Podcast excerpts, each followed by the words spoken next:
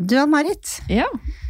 en måneds tid før jeg gikk ut i ferie, så jobba jeg sent en torsdag, og så hadde jeg min siste kunde, hun var sånn ni-ti år, het Mille. Kjempesøt jente, var der med mammaen sin. Og veldig opptatt av håret, så vi skulle ha curtain bangs, og det var et layers, og vi skulle føne, og vi skulle hadde masse prat om hår. Og etter hårvask og massasje og sånn, så spurte jeg eh, hva har du lyst til å bli når du blir stor? Jeg syns det er litt gøy å høre. Jeg ville bli dyrepleier. Så jeg oi, tenkte jeg dyrepleier, ja, hva er favorittdyret ditt når jeg var hund? Ønska seg hund mest i hele verden, hun og broren. Men eh, pappaen ville absolutt ikke ha hund. Han hadde masse argumenter for å ikke ha hund, og et av dem var blant annet at han ble sittende med det når barna flytta ut. Og Malin, min datter, fikk jo hund, og jeg hadde jo sorg når hun flytta ut, for hun tok jo med seg hunden også, for den fikk jo ikke jeg ha. Så alle de argumentene stemmer jo ikke alltid med realiteten. Så jeg la ut, og vi fikk hilse på Carl og sett masse bilder, og, og for en uke siden så fikk jeg bilder som gjorde at jeg begynte å gråte, faktisk, fordi det siste mamma sa til meg før hun gikk, var hun ga meg en klem for klippen og argumentene hun skulle hjem og diskutere med mannen sin. Og tro det eller ei, de har kjøpt seg en hund som er samme rase som Carl. en Å, så tispe. søt! Ja. Så vi var innom salongen for å takke om klipp, og det at barnet også hadde fått seg hund. Å, så Så lurte på om vi ville treffes, ja. Og da tenker jeg og folk vil jobbe som ingeniører på, bak en PC og sånn. Aldri i livet. Altså, for å jobbe med mennesker og prate med dem og Jeg kommer til å leve på det fram til jul, jeg. ja, søren. Mhm. Men Carl er jo helt nydelig, da. Ja, det var Hvem vil ikke ha den? Til og med jeg fikk lyst på hund. ja. ja, men det er noe med Nei, det, det var jeg så fornøyd med. Bare at de kommer innom meg for å vise hunden. Og liksom sende meg bilder når jeg er på ferie. Det var så hyggelig. Ja, virkelig. Ja. Så jeg bare stemmer for at flere vil bli frisører, som meg og deg. Jeg var veldig enig. Velkommen til Hårpodden. Jeg heter Ann-Marit. Jeg heter Renate. Ja, hvordan har din, din uke vært? Jo, min uke har vært fin. Jeg trodde jeg skulle Jeg var forskansa meg hjemme og kjørt fra hytta i all hast, for jeg var livredd for Hans. Jeg syns det har eh, gått veldig overraskende bra. Bortsett fra at, som jeg sa i stad, jeg har vært i 50-årslag i helga, og da slo lynet ned i sikringsboksen på det stedet vi var, så det var mørkt. Vannpumpa gikk, så vi fikk ikke bruke do. Og veier begge ender på Sigrud var jo Det var jo soveforstyrrelse, folk gikk til vann opp til livet. Din uke, da? Jeg har fått ny kollega. Ja, Mm, gøy! Fikk det i går. Ja. Så det har vært veldig veldig hyggelig. Og det har kokt litt i salongen, for det er jo alle skal klippe seg før ferien-stemning, liksom. Så det, det har vært skikkelig gøy å se at eh, ja, det har vært mye folk innom. Og nå vokser dere nå. Ja, Ja. Så i går kveld så måtte jeg bestille mange flere kapper og håndklær. Så bra, det er lykke. Ja, det blir kjempebra og at vi blir flere, og det kommer jeg til om to uker. Ja, ikke sant? Så det, da, nå skal jeg si bare fornøyd en liten stund. Ja, det er så gøy å Mm. følge med på deg og drømmen din. Ja, takk. Ja, det er kjempe, kjempestas.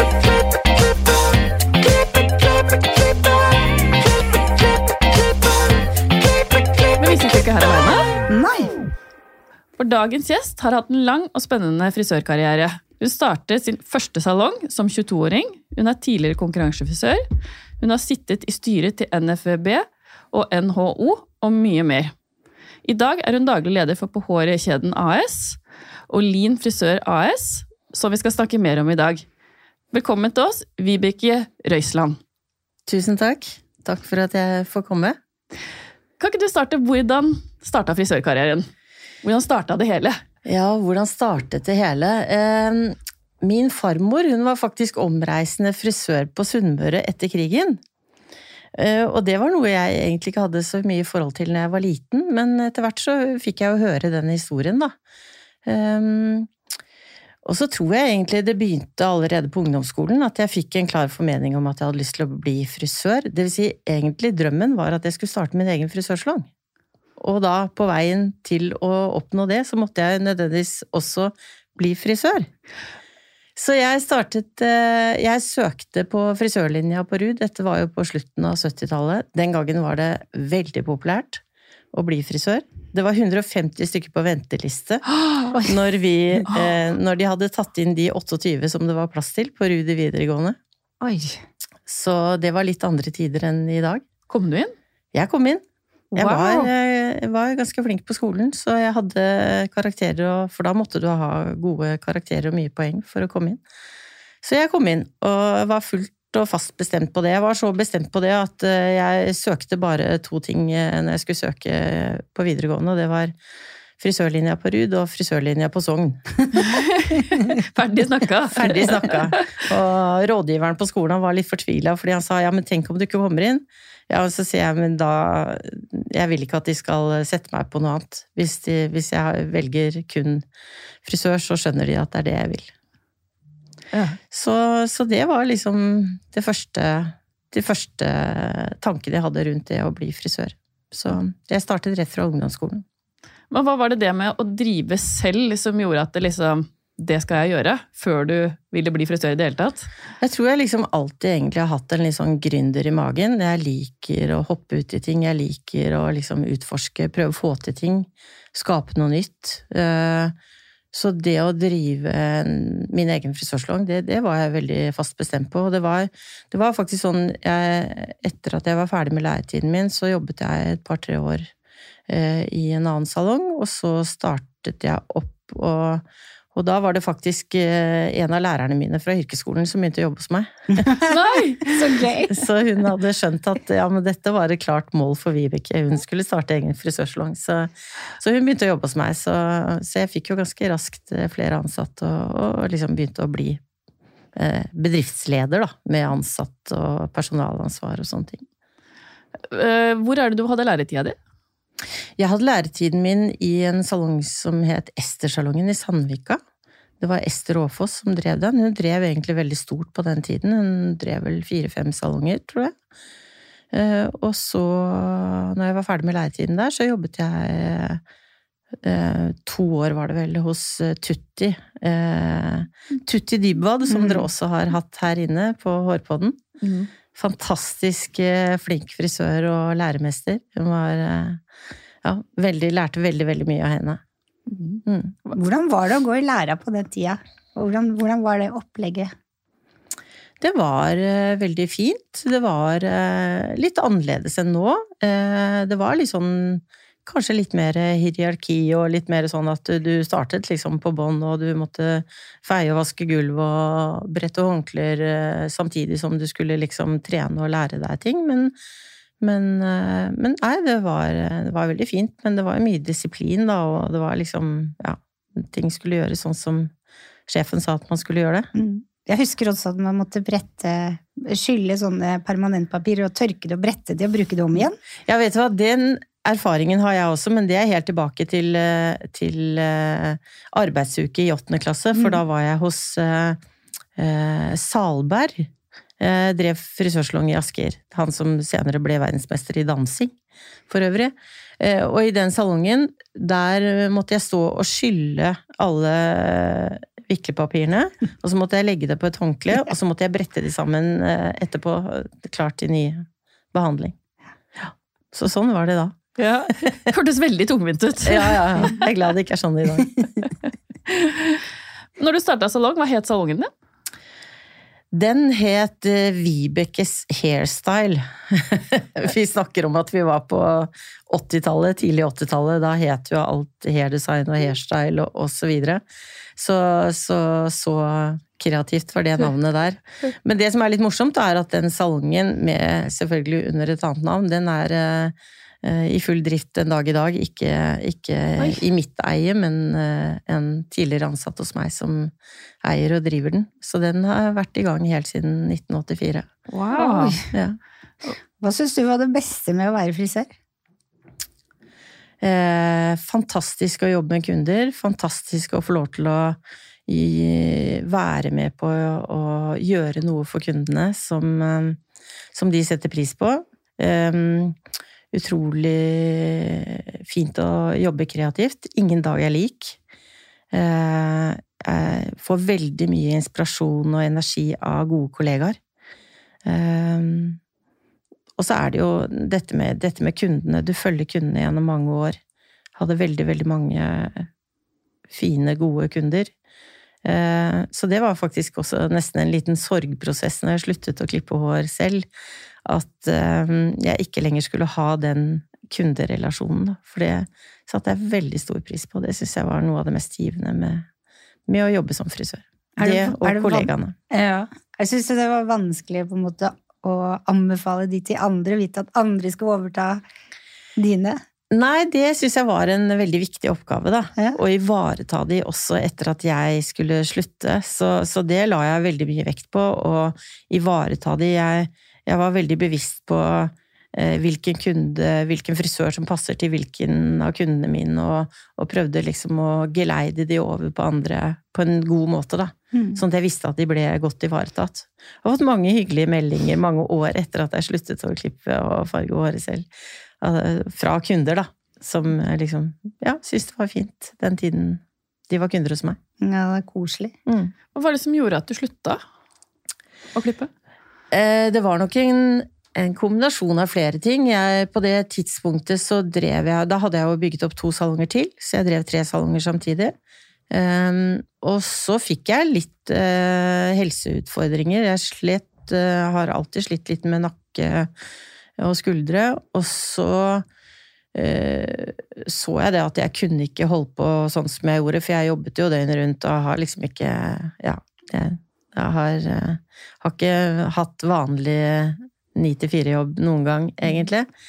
Um, så da tenkte jeg at jeg hadde behov for å videreutdanne meg. Så um, jeg hoppet av, uh, og jeg eide salongene fremdeles, men, men, tok videreutdanning på BI innenfor økonomi, markedsføring, ledelse.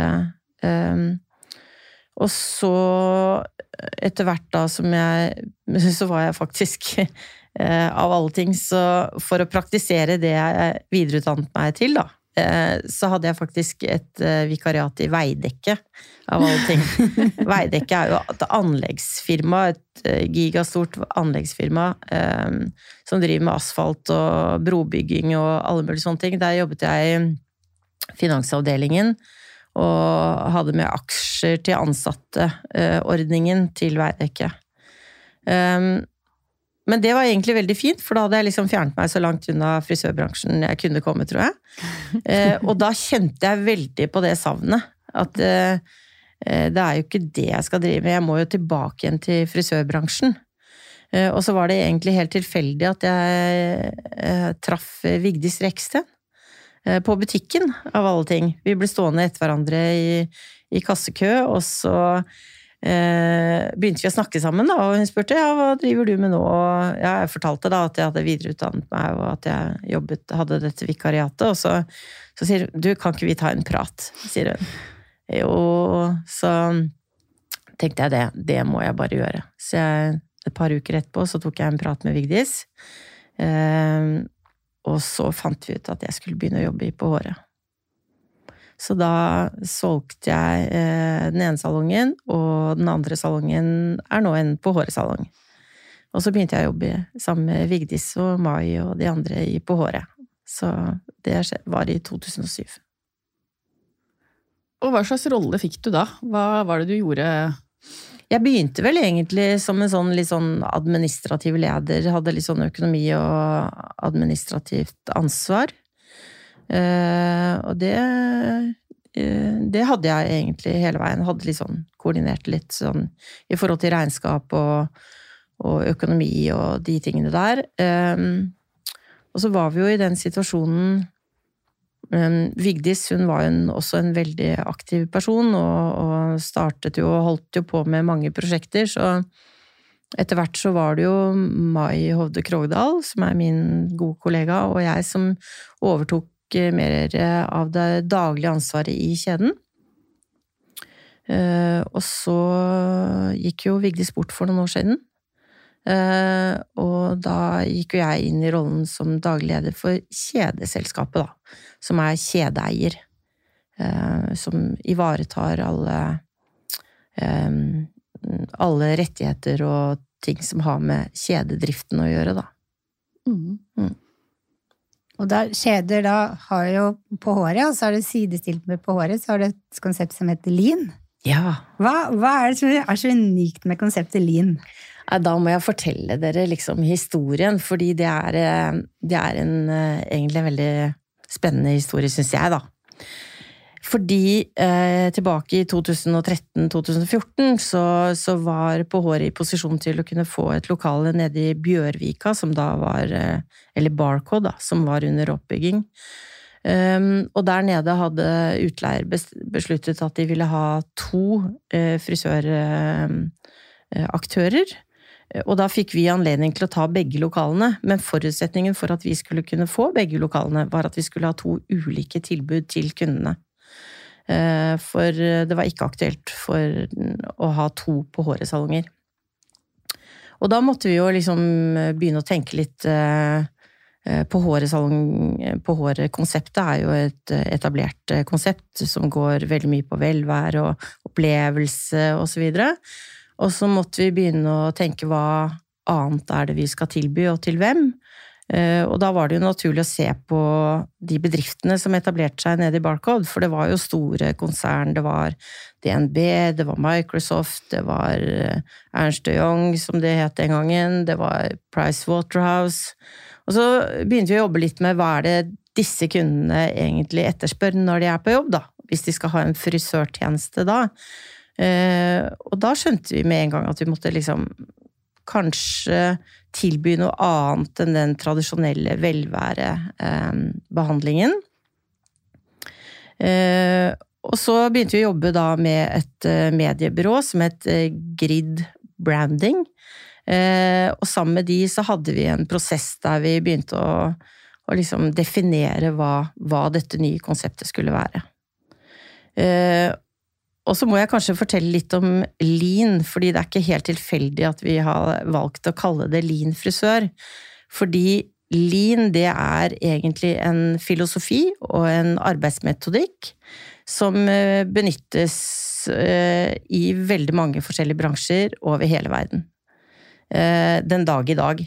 Eh, men historisk sett så går lin egentlig helt tilbake igjen til eh, tekstilindustrien i Venezia på 1500-1600-tallet. Fordi den gangen så fikk de veldig stor etterspørsel, og de klarte ikke å, å, å levere så mye som etterspørselen tilsa at de skulle. Og derfor så begynte de å se på hvordan kan vi jobbe mer effektivt å levere mer med en høy kvalitet, men på kortere tid og til en fornuftig pris. Eh, og så har jo, hvis man trekker historien videre, da, så er jo eh, noe av det samme er jo den industrielle revolusjonen med symaskiner, med dampmaskiner, ikke sant, som har forenklet de menneskelige oppgavene og gjort ting mer effektivt. Eh, og til, til Henry Ford, måten han produserte biler på, og på 80-tallet så gjorde jo Toyota en stor suksess og ble jo verdensledende bilprodusent, nettopp basert på lean-metodikk eh, i sine arbeidsprosesser. Og så kan du spørre hva har det med eh, frisør å gjøre? Det er jo et naturlig spørsmål, jeg skjønner det. Men eh, for meg er dette veldig samsvarende, fordi tilbake igjen til til de menneskene som vi skulle tilby denne frisørtjenesten til. Dette er jo mennesker eh, som jobber i firmaer der de gjerne eh, skal fakturere ut mest mulig av tiden de er på jobb. Eh, de har ikke tid til å sitte to eller tre timer i en frisørstol. Men de har høye krav til kvalitet. De har høye krav til profesjonalitet. De liker å få ting tilrettelagt og skreddersydd. Eh, og det som er litt av konseptet med Lean, da, er at vi eh, legger til rette for mer effektive behandlinger med høy faglig kvalitet. Eh, litt mindre av opplevelse og velvære, og litt mer av en god skreddersøm for den enkelte kunden, da. Sånn at at de får akkurat det de har behov for.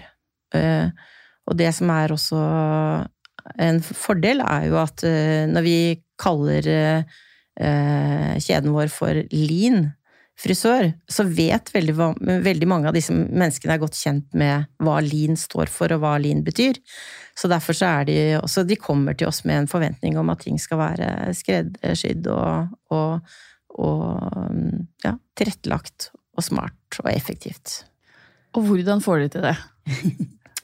Det får vi til eh, ved at vi, når vi f.eks. planlegger en Lean-salong, så har vi veldig stort fokus på areal.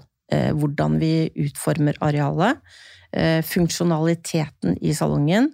Alt skal ha sin plass. Det skal være Du skal ikke bruke liksom, Du skal ikke behøve å gå liksom tre ganger frem og tilbake for å finne ting før du begynner på kunden. Vi har selvbetjeningsstasjoner Eh, sentralt i salongene. Så vi inviterer kundene til å forsyne seg med kaffe eller te eller mineralvann selv. Så vi bruker ikke den tiden kunden betaler for, den bruker vi ikke til å servere de, vi bruker den kun på behandlingen, på selve behandlingen. Um, og så har vi Ja, vi har eh, tilrettelagt eh, sånn Altså, frisørene er veldig sånn involvert i hvordan vi skal jobbe lean, da. Eh, så vi prøver hele tiden å se hvordan kan vi gjøre ting smartere og mer effektivt til beste for kunden. Eh, og så er det sånn at vi tilbyr ikke alt til alle. Eh, vi har en meny, og det er det vi tilbyr til kunden.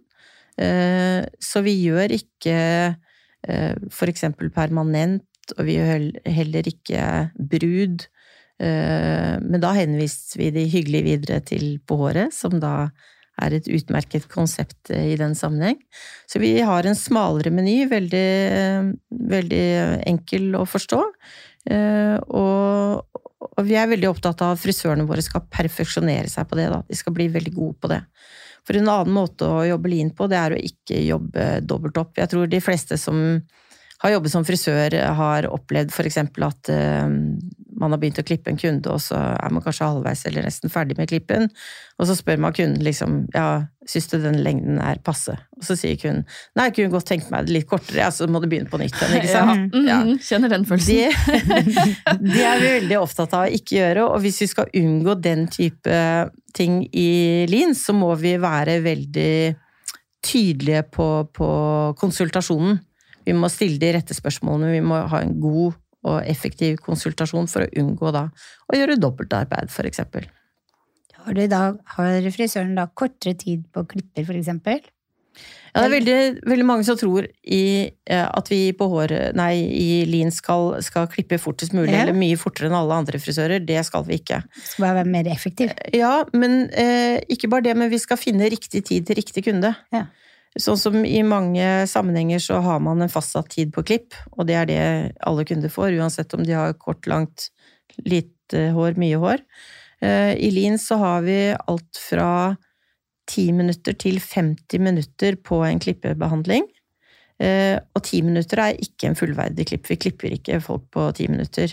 Men det kan være eksempel å klippe en lugg, eller det kan være å, å pynte rundt kantene rundt ørene og nakken på en mann, eller, eller en som bare har en krans. Eh, men eh, Og det som er oppgaven til frisøren da, er å finne hva er riktig tid for denne kunden, ut ifra det denne kunden ønsker. Eh, og det kan være 30 minutter på noen, 50 minutter på andre. Mm.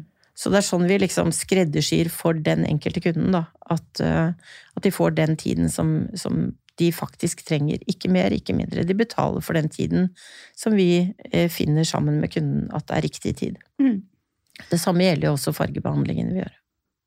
Men da må dere ha en Da må de komme innom eller ringe, da. Da kan de ikke bestille på nett. For jo da. Ja, de kan det? Ja, da, de aller fleste kundene våre bestiller på nett.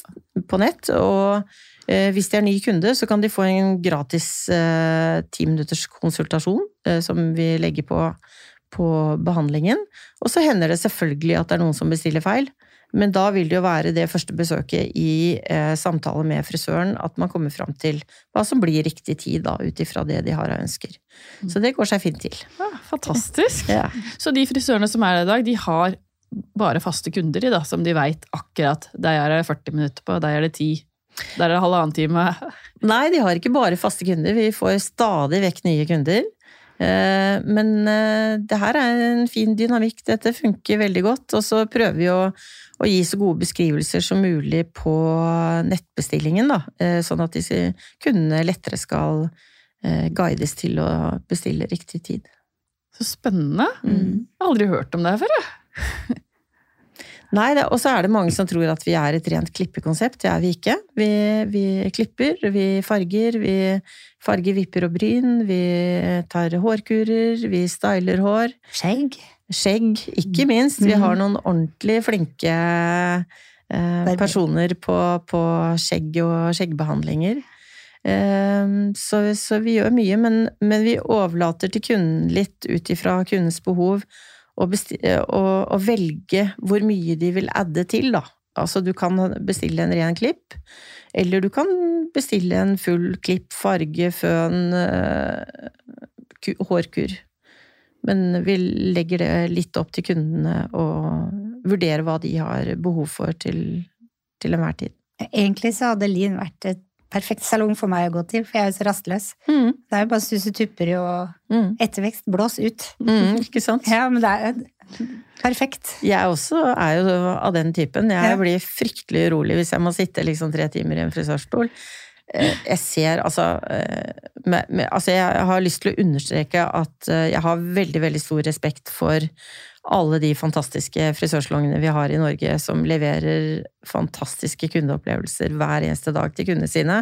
Og jeg sier ikke at det er noe feil med det. Tvert imot. Bare, vi har jo da eh, Vi leverer jo også på det samme i På håret, men vi har valgt da også et annet konsept som tilbyr noe annet, men med veldig stort fokus på faglig kvalitet. Og, og det å perfeksjonere seg i ting, da. Fordi disse frisørene blir utrolig flinke på det de gjør. De gjør ikke alt. De har ikke fokus på å bli kjempegode til å eh, legge makeup eller pynte brud, eh, men de blir supergode på det, de, på det de gjør, og det de leverer til kundene hver dag.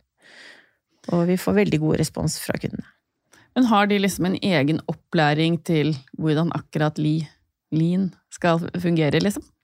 Ja, vi har en veldig god brifing med de på forhånd, fordi det er veldig viktig for oss at de skal vite de skal, Litt som jeg fortalte dere nå, liksom, hva er historien bak lean? Hvorfor heter det lean? Hva er, eh, hva er det å tenke lean? Hvorfor skal vi hele tiden bestrebe oss på å gjøre ting mer effektivt til det beste for kunden? Det er for at kunden skal få en best mulig leveranse, en best mulig eh, behandling. Eh, og, og, så vi må jo Du må liksom eie det litt. Du må eie det konseptet litt for å kunne levere det på en best mulig måte, da. Og jeg syns det er innovativt, ja. For det er jo ikke alle som vil ha mange timer. Altså, det fins jo så mange typer kundegrupper. Mm. Så må jo være noe for alle. Mm. Og det er også viktig å understreke at, eh, at eh, lean er ikke noe sånn billig konsept. Nei. Eh, Ikke på noen måte. Og, og de kundene vi henvender oss til, de er ikke opptatt av pris. De er opptatt av kvalitet, profesjonalitet, at vi er eh, effektive på tid. Altså, de, de er ganske kravstore, de kundene som, som eh, vi henvender oss til.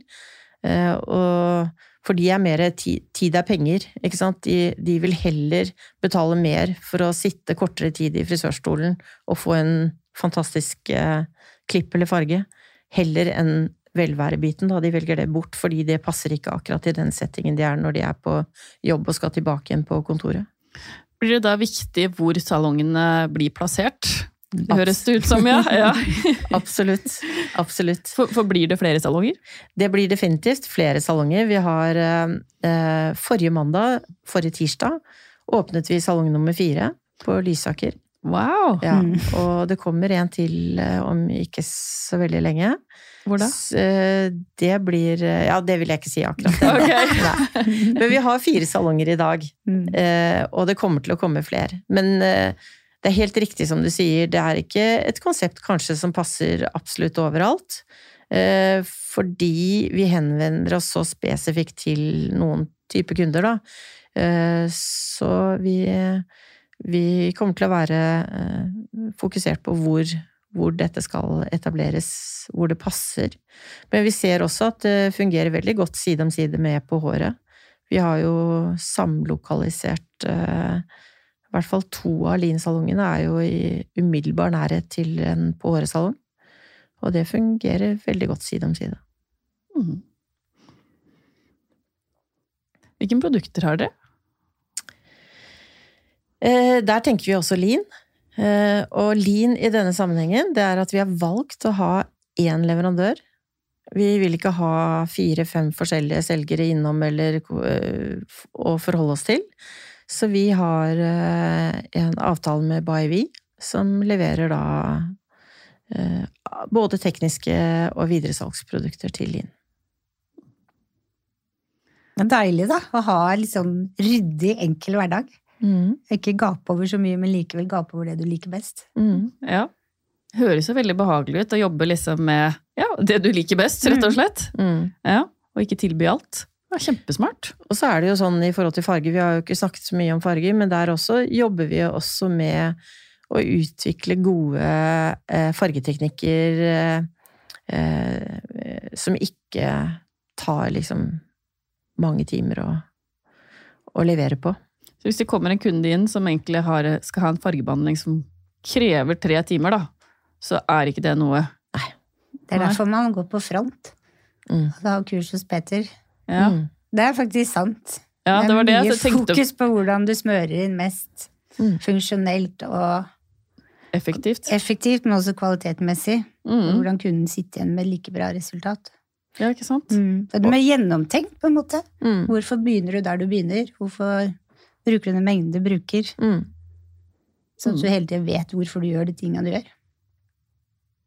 Men hvordan er det dere skiller av liksom på håret og lin da, holdt jeg på å si? Er det liksom to forskjellige gjenger? Nei det, nei, det, nei, det, er det ikke. Og det må jeg si at eh, faktisk eh, de fleste av de som jobber i Lin i dag, mm det er mangeårige på håret eh, frisører. Altså de har mange år på håret bak seg, eh, men som nå stortrives med å jobbe i Lin. Fordi at de er den type frisører som liker å perfeksjonere seg. De, de, er, ikke, de er, ikke, der at de skal liksom hele tiden utforske nye kreative ting.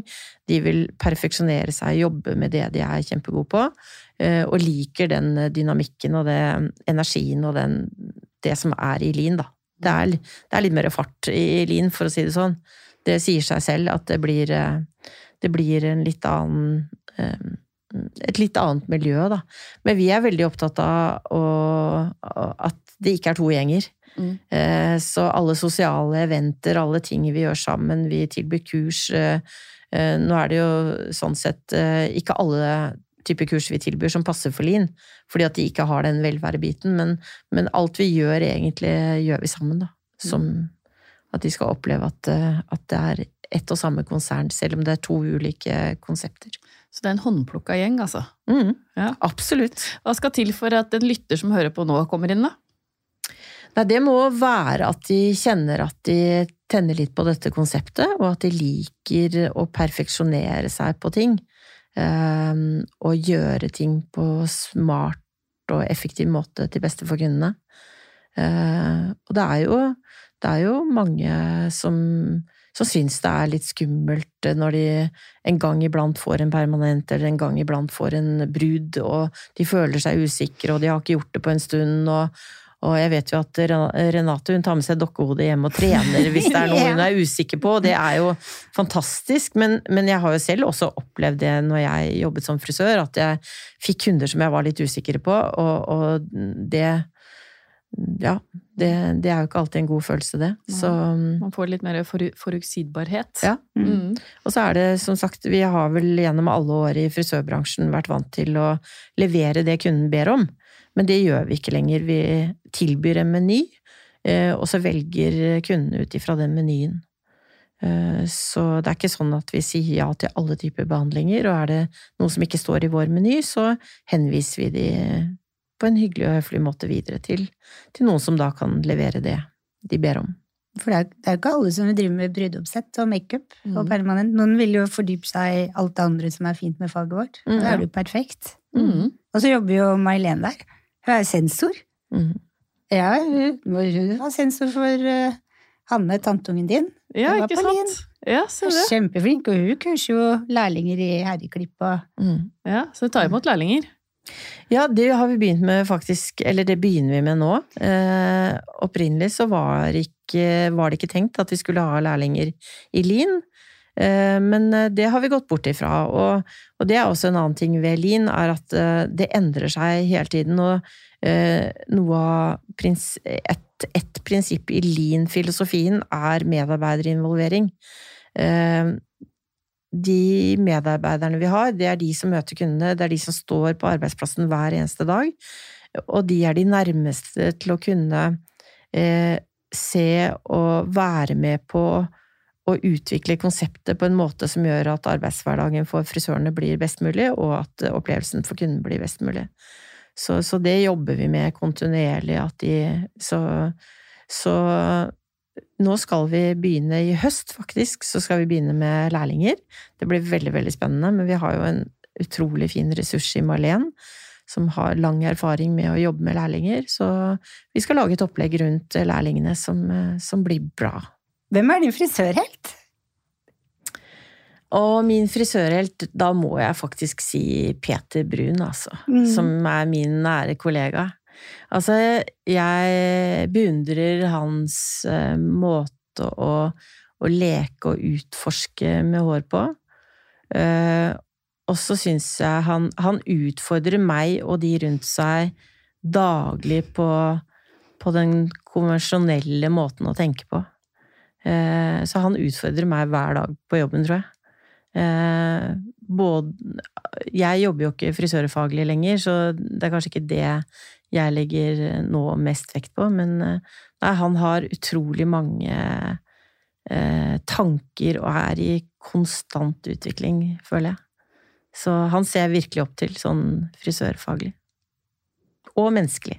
Ja, sant. Jeg er enig. Jeg syns utrolig inspirerende å snakke med. Så mm. veldig enig med deg der. Mm. Og samtidig gratulerer han med nominasjonen i AIP, da. Det er ikke hvem som helst i Norge som blir nominert i det, så det er andre år på rad, i hvert fall. Ja, og han får jo stadig nominasjoner. Mm. Han er fantastisk flink og kreativ. Mm. Jeg er helt enig. Vi har fått en ny spalte, Vibeke, så nå skal vi ta ti kjappe spørsmål på deg. Yes. Er du klar? Jeg er klar. Farge eller klipp? Åh, eh, det er veldig mye morsomt som skjer på fargesiden, men jeg har alltid vært utrolig fascinert av hva en teknisk god klipp kan gjøre med tusenvis av hårstrå som bare faller på plass, og som bare ser helt smashing ut. Så jeg sier klipp. klipp ja. Favorittprodukt? Har ingen. Jeg bruker alt mulig, prøver ut alt mulig, alt etter om jeg har krøller eller glatt hår, så der eh, tester jeg alt. Jeg har ingen favoritter. Ingen favoritter. Langt eller kort hår? Kort. Sjokolade eller chips? Sjokolade. HM eller Holzweiler? Ja, begge deler til hver til sin tid. Ja. Norge eller Syden? Norge. Naturlige farger eller crazy color? Naturlige farger. Øl, vin, bobler eller drink? Bobler. Sasun eller Guy Tang? Og der må jeg si Sasun. Altså, han revolusjonerte frisørbransjen på 60-tallet, så der er jeg ikke i tvil. Nei. Instagram eller TikTok? Instagram. Tusen, tusen takk for at du kom hit og var gjest hos oss. Jeg er blitt veldig inspirert av å snakke med deg. Ja, tusen takk for at jeg fikk komme. Det har vært uh, veldig gøy. Veldig gøy å høre hele Liv sin historie, og at andre også får høre den. Ja. Og så vil jeg oppfordre folk til å søke seg inn til den. Det er et fantastisk sted å jobbe på. Mm. Og følg oss gjerne på Instagram, Facebook og TikTok. Du kan høre episoder på iTunes og Spotify, og gi oss gjerne stjerner på iTunes og hjelp oss å vokse. Så høres vi neste uke. Ha det bra!